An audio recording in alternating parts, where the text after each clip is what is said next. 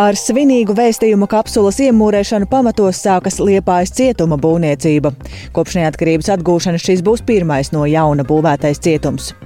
Ģeopolitiski saspringtā laikā Polijā šonadēļ notiks parlamenta vēlēšanas. Poļiem jāizlemj, kādā virzienā dosies valsts.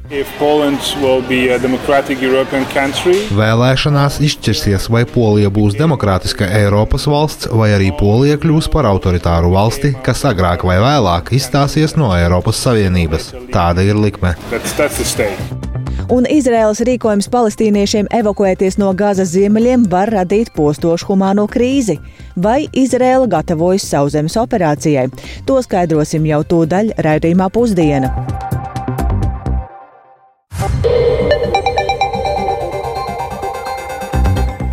12,5 minūtes, un tas ir ziņu raidījuma pusdiena laiks, kurā plašāk skaidrosim šīs dienas, 13. oktobra būtiskos notikumus. Studijā Dāca Pēkšēna, esiet sveicināti! Lai arī ar lielu kavēšanos, bet beidzot var teikt, ka ir sākusies jauna cietuma būvniecība Latvijā. Tieši šobrīd topošā Liepājas cietuma pamatos svinīgi iemūrē vēstījumu kapsulu. Būvniecībai nepieciešamā teritorija ir sagatavota un ir redzams jau arī tās aprises. Paredzēts, ka pats cietums Liepājā sāks darboties 2025. gadā, līdz ar to arī nodrošinot sūdu izpildes un resocializācijas procesu jaunā līmenī.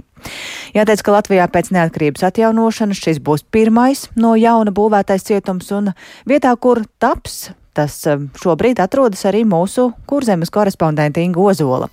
Ar uh, viņu esam šobrīd sazinājušies tiešraidēs. Sveika, Inga! Tu esi šobrīd notikuma vietā. Kā tur pat labāk izskatās? Sveika, jā, esmu tiešām šajā vietā, uh, kur tiek būvēts jaunais liepais cietums, un tam jau iepriekš arī tika sagatavota teritorija. Un, jā, tas, ko es redzu šeit, būvdarbi ir reāli sākušies. Un, Pati cietuma teritorija atrodas eh, vairāk nekā 5 km attālumā no Liepājas centra, tādā nedaudz nomaļākā vietā. Eh, nu, salīdzinot ar iepriekšējo un vēsturisko cietumu, Eh, kas ir ļoti tuvu pilsētas centram. Eh, turklāt eh, tas būs ievērojami lielāks un tajā vienlaikus paredzētas vietas 1200 ieslodzītajiem. Jaunā cietuma kompleksa adresē Alsungas ielā 29 šodien ir sapulcējušies gan Lepājas pilsēta, gan valsts iestāžu amatpersonas būvnieki. Un, lai tieši pusdienu laikā svinīgos apstākļos iemūrētu kapsulu jaunā Liepājas cietuma ēkas kompleksa pamatos, šis process jau tūlīt, tūlīt sākas. Un, jaunais Liepājas cietums uh, būs mūsdienīgs, un tas, ko uzsver arī Tieslietu ministrijas amatpersonas, uh, tajā varēs pilnvērtīgi veikt uh, sociālās korekcijas darbu ar ieslodzītajiem, kā arī, protams, nodrošināt daudz drošāku, modernāku un sakārtotāku vidi tieši cietuma darbiniekiem. To īpaši uzsver Tieslietu ministrijas pārstāvi, ka būs lielāka drošība arī darbiniekiem. Nu, atgādināšu, jā, ka pirms gada novembrī jā, tiesnām aģentūra un iepirkuma uzvarētājs Citrus Solution parakstīja līgumu par jaunu cietumu kompleksu Liepājā projektēšanu, autoru uzraudzību un būvdarbiem.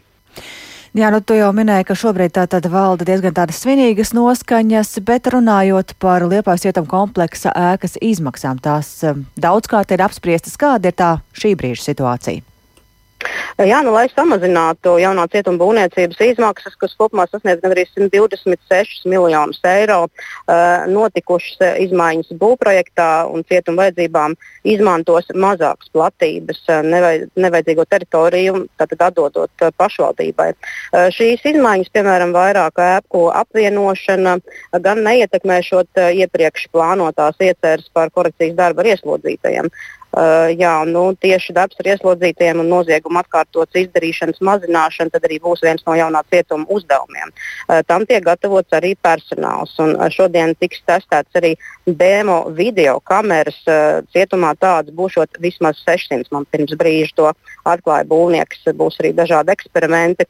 Piemēram, nu, cietumnieks varētu kādu no šīm kamerām sabojāt, tad tur īpaši tieks, tiks pie tā strādāts. Nu, jā, par to, kā klājas šobrīd un kas jau ir izdarīts, tikko sarunājos ar tiesnām aģentūras valdes locekli Santu Sausiņu. Viņa arī vairāk zina pastāstīt, kas šobrīd jau paveikts būvlaukumā un kas šodien arī notiks. Iepriekšējais projekts ir jau daudzus gadus uh, iepriekš izstrādāts, kādi septiņi gadi jau būs pagājuši.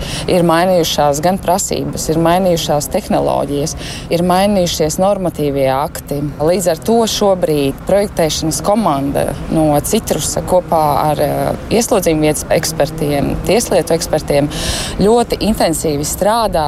Šobrīd mums sokas, es varētu teikt, ļoti labi, tāpēc, ka tiešām ir pagājis nepilns gads kopš kopš līguma parakstīšanas, un mēs jau esam būvlaukumā reāli. Nevis vienkārši Alsungas ielā 29 liepājā, bet būvlaukumā. Pirmajās ēkās tātad mēs pamatos jau ieraksim svinīgo kapsulu, kas ir eh, par pāris mēnešiem ātrāk nekā mums ir paredzēts laika grafikā. Pēc laika grafika mums bija paredzēts, ka būvniecība tiek uzsākta tikai šī gada nogalē, bet šobrīd jau ir oktobris un mēs esam būvlaukumā. Tā kā šobrīd eh, mums darbi ir it veiksmīgi. Ko mēs jau redzam, kas ir uzbūvēts, jo mēs redzam arī ēku aprises. Ir vairākas ēkas jau šeit. Pirmās ēkas, kas tiek būvētas, tā tad ir uh, ieslodzījumu vietu pārvaldes administrācija, konkrētā cietumēka un uh, atklātā tipa cietumēka. Tas ir uh, tas, ko šobrīd būvlaukumā var redzēt jau reāli sienas. Jā, Inga saka, vai ir zināms, kas notiks ar veco liepājas cietumu, kad sāks darboties šis jaunais komplekss? Jā, tagad jau Liepājas cietumu ir būvējis slavenais pilsētas arhitekts Pauls Maks Berčī, vēsturisks objekts, un ēka arī būvēta no šiem raksturīgiem sarkanajiem ķieģeļiem, kas Liepājā daudz viet redzami. Zināms, ka Tieslietu ministrija ir piedāvājusi šo ēku kompleksu pārņemt pašvaldībai bet pašvaldība nav saredzējusi iespēju to izmantot savām vajadzībām. Tāda vismaz šobrīd ir man pieejamā informācija. Tāpēc visticamāk vēsturiskais cietums tiks pārdots izsolē. Vēsturiskajā cietumā ēkā, jāsaka, savulaik ieslodzījumi izciet arī politieslodzītie Rainis, kādu laiku ir bijis spiests pavadīt Liepājas cietumā. Tāds, Paldies Ingai Ozolai par ziņām no Liepājas, kā tātad, kura, kā dzirdējām, šobrīd svinīgi topošā Liepājas cietuma pamatos iemūrē vēstījumu kapsulu. Pats cietums ir paredzēts, ka sāks darboties 2025. gadā. Un turpinām par nesenajiem notikumiem saistībā ar mūsu valsts robežu. Valdības ātrā reakcija ar lēmumu slēgt divus robežu šķērsošanas punktus ar Krieviju ir labs piemērs, kā reaģēt uz Krievijas izvērstajiem hibrīdkara elementiem. Tā norāda Saimas Nacionālās drošības komisijas un ārlietu komisijas vadītāji. Labākā atbilde ir izlēmīgi un koordinēti lēmumi. Ar deputātiem ir aprunājies kolēģis Jānis Kīncis, kurš šobrīd pievienojas studijās. Sveiks, Jāni! Un saka, kā tad deputāti vērtē, vai ir paredzami kādi tālāk Krievijas um, gājieni atbild uz uh, šiem ātriem Latvijas um, lēmumiem. Sveika, Dārts, sveicināti klausītāji. Jā, Krievijas lēmums būtiski ierobežot Ukrainas pilsoņu ieceļošanas iespējas Krievijā no Eiropas Savienības valstīm, to pa savu zem atļaujot tikai caur vienu nelielo vientuļu robežu eh, punktu, prasīja ātru pretreakciju. Un uh, Latvijas valdības ceturtdienas lēmums slēgt divus robežu kontrolas punktus ar Krieviju bija nekavējošs un saskaņots ar Eiropas Savienību. Valsts robežsardzes priekšnieks Guntis Pojāts arī skaidroja, ka neslēdzot robežu pārējais punktus pie vientuļu robežu kontrolas vietas nelielās caurlaidības dēļ veidotos milzīgas cilvēku grupas, kas draudētu Latvijai ar humāno krīzi. Lūk, šī epizode, tāpat arī nesenā gāzes vada spridzināšana Somulīcī, draudu ēpastu skolām un bērnu dārzēm Latvijā un Igaunijā, tie visi ir uzskatāmi Krievijas izvērstā hibrīda kara elementi, nolūkā šeit radīt haosu un neizpratni. Un šāda epizode visticamāk netrūks arī turpmāk. Spiest secināt Saimnes Nacionālās drošības komisijas vadītājs Ainārs Latkovskis no jaunās vienotības. Šajā gadījumā Latvijas valdības lēmums saulaicīgs un ātrs par šī robežu punktu slēgšanu ir pilnīgi pareizs. Nevis mēs kādu provocējam. Krievija ir skaidru mērķi mēģina radīt haosu, un, kā mēs redzam, viņi ir nedaudz atgūsies no sākumā milzīgiem zaudējumiem Ukrainas karā, un tagad, kad frontē situācija ir tāda, ka viņi nevirzās ne uz vienu, ne uz otru pusi, tad tie, kas sēž Maskavā, kas var plānot savus šos te hibrīd kara elementus, ko viņas izvērš pret rietumiem. Tā tad atkal jārēķinās ar jauniem gājieniem.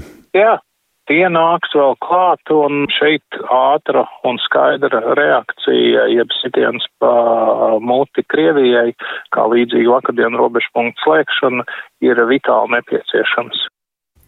Saimnes ārlietu komisijas vadītājs Rihards Kos no Nacionālās apvienības savukārt eh, papildina, ka būtiska šāda veida lēmumu pieņemšanā ir arī ātra koordinēšanās starp reģionu valstīm. Līdz šim tas ir izdevies, uzsver Rihards Kols. Grūti kaut ko tādu paredzēt, Mēs redzam, ka katra šie mēģinājumi ir lemti neveiksmēji. Mēs tomēr to vienotību mēs noturam. Ne tikai Eiropas Savienībā, bet arī mūsu reģionā, tātad valstis, kas robežojas ar Krieviju. Mēs redzam, sākotnēji jau arī nebija viegli ar tām pašām vīzām, ar ieceļošanu. Tas pakāpeniskā koordinēšana izveidojās no Polijas līdz pat Somijai. Šis ir arī tāds pats process, kas tagad notiek. Tas lēmums slēgt šos divus robežu kontrols punktus ir skaidrs atbilde Krievijas rīcībai. Un, ja tas turpinās, turpinās. Tas jau neizslēdz, ka kādā pārskatāmā nākotnē vispār robeža ar Krieviju var slēgt. Lūk, piebilstot par šo tematu, vientuļu un pēdējais robežu ķersošanas vietas uz robežas ar Krieviju paredzēts slēgt no pirmdienas, 16. septembra. Paldies Jānim Kīncim par šo skaidrojumu, un es tikai atgādināšu, ka viens no iemesliem, kādēļ izšķīrās par labu vientuļu robežu punkta slēgšanai, bija potenciālie draudi Latvijas drošībai. Ja šo punktu neslēgtu, liela iespējamība, ka Latvijas pierobežā pulcētos vairāki tūkstoši cilvēku. Tikmēr tuvajos austrumos Gāzes joslā postošu humāno krīzi var radīt Izraēlas dotais rīkojums evakuēties vairāk nekā miljonam Gāzes ziemeļos dzīvojošo palestīniešu. Šāds rīkojums varētu liecināt, ka tuvākajā laikā ir gaidāma Izraēlas armijas sauszemes operācija Gazas joslā, lai gan izsludināta tā vēl nav un plašāk par to stāsta Rihards Plūme. Atbildot uz palestīniešu kaujinieku grupējuma Hamas sestdienas uzbrukumu, Izraela jau sešas dienas īstenojusi gaisa un artilērijas triecienus pret Hamas objektiem šī grupējuma pārvaldītajā Gāzes joslā.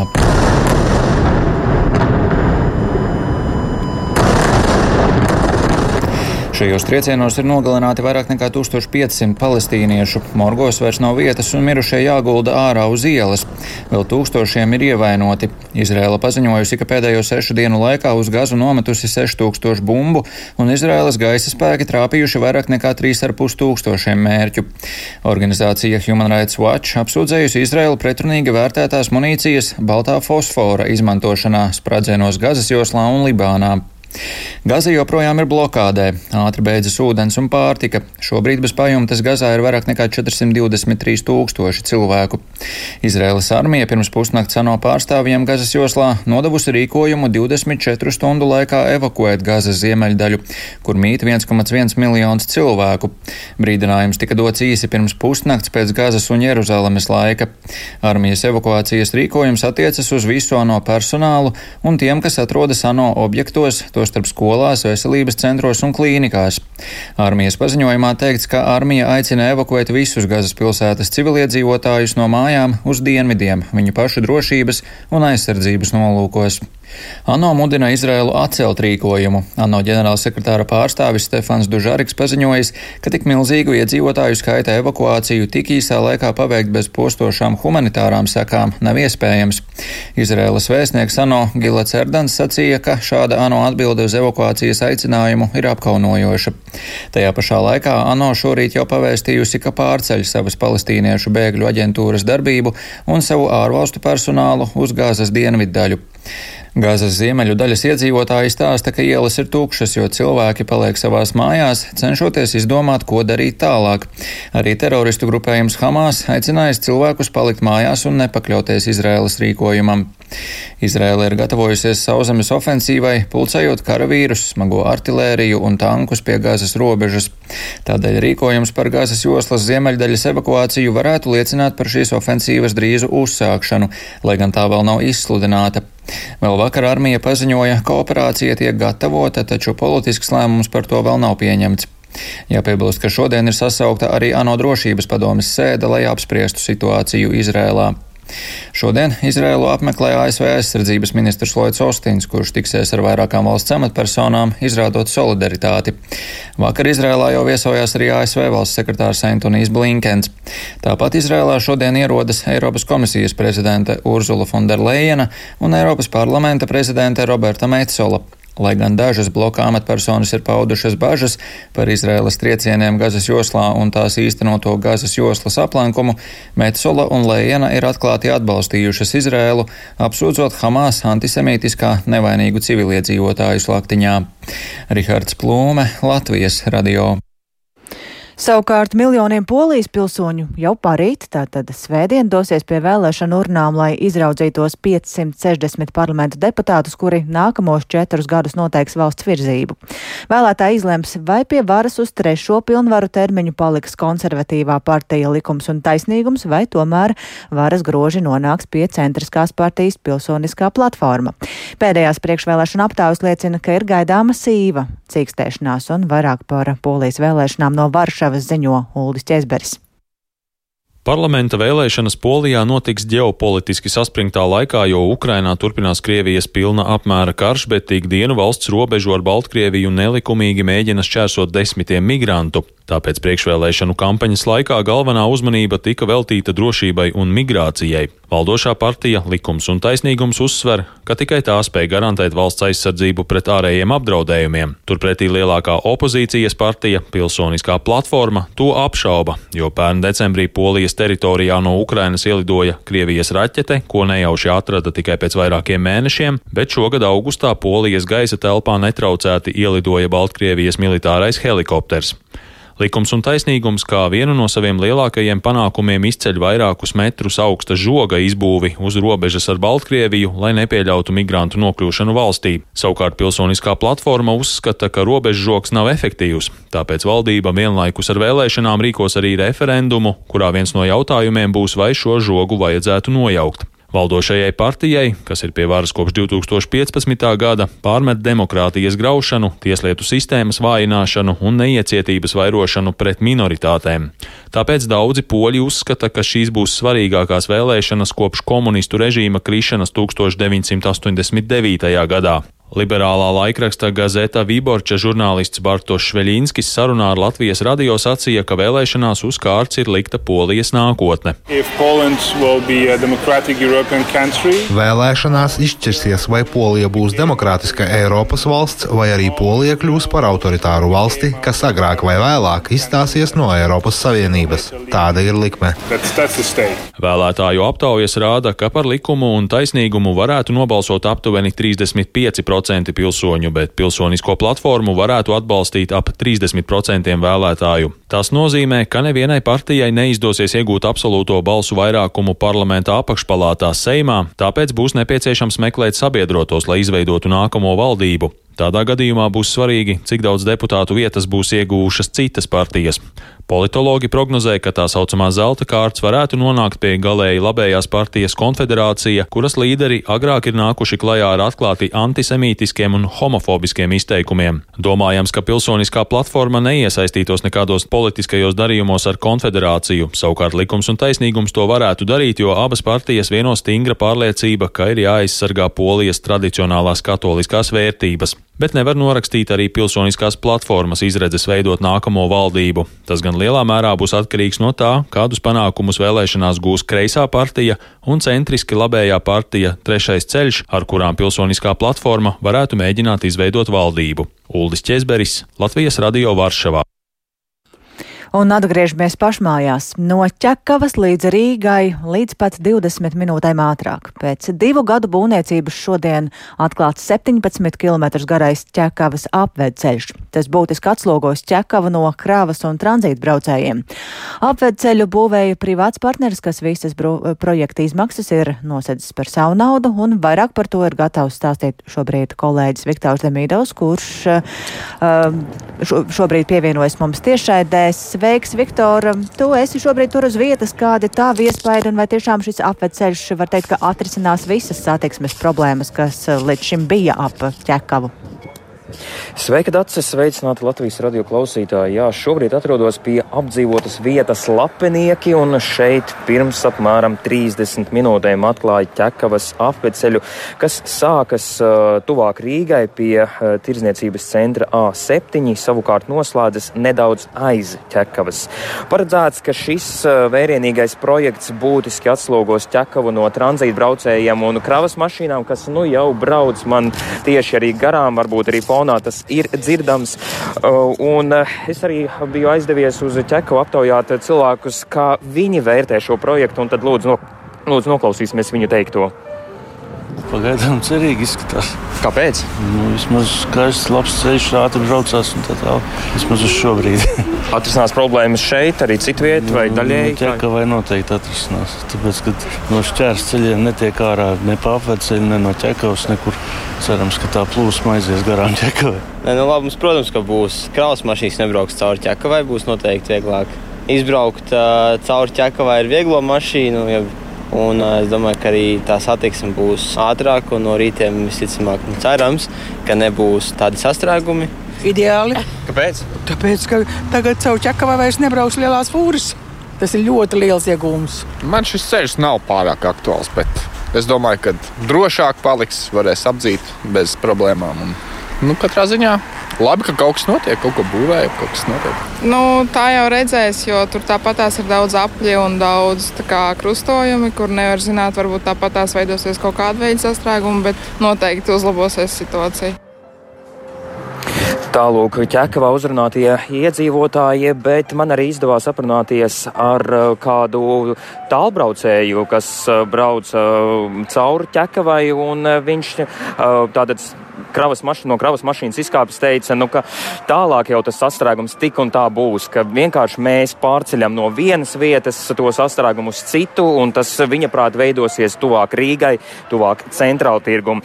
Jāatgādina, ka šis ir arī ātrgaitas ceļš, kur varēs braukt uh, līdz pat 120 km/h.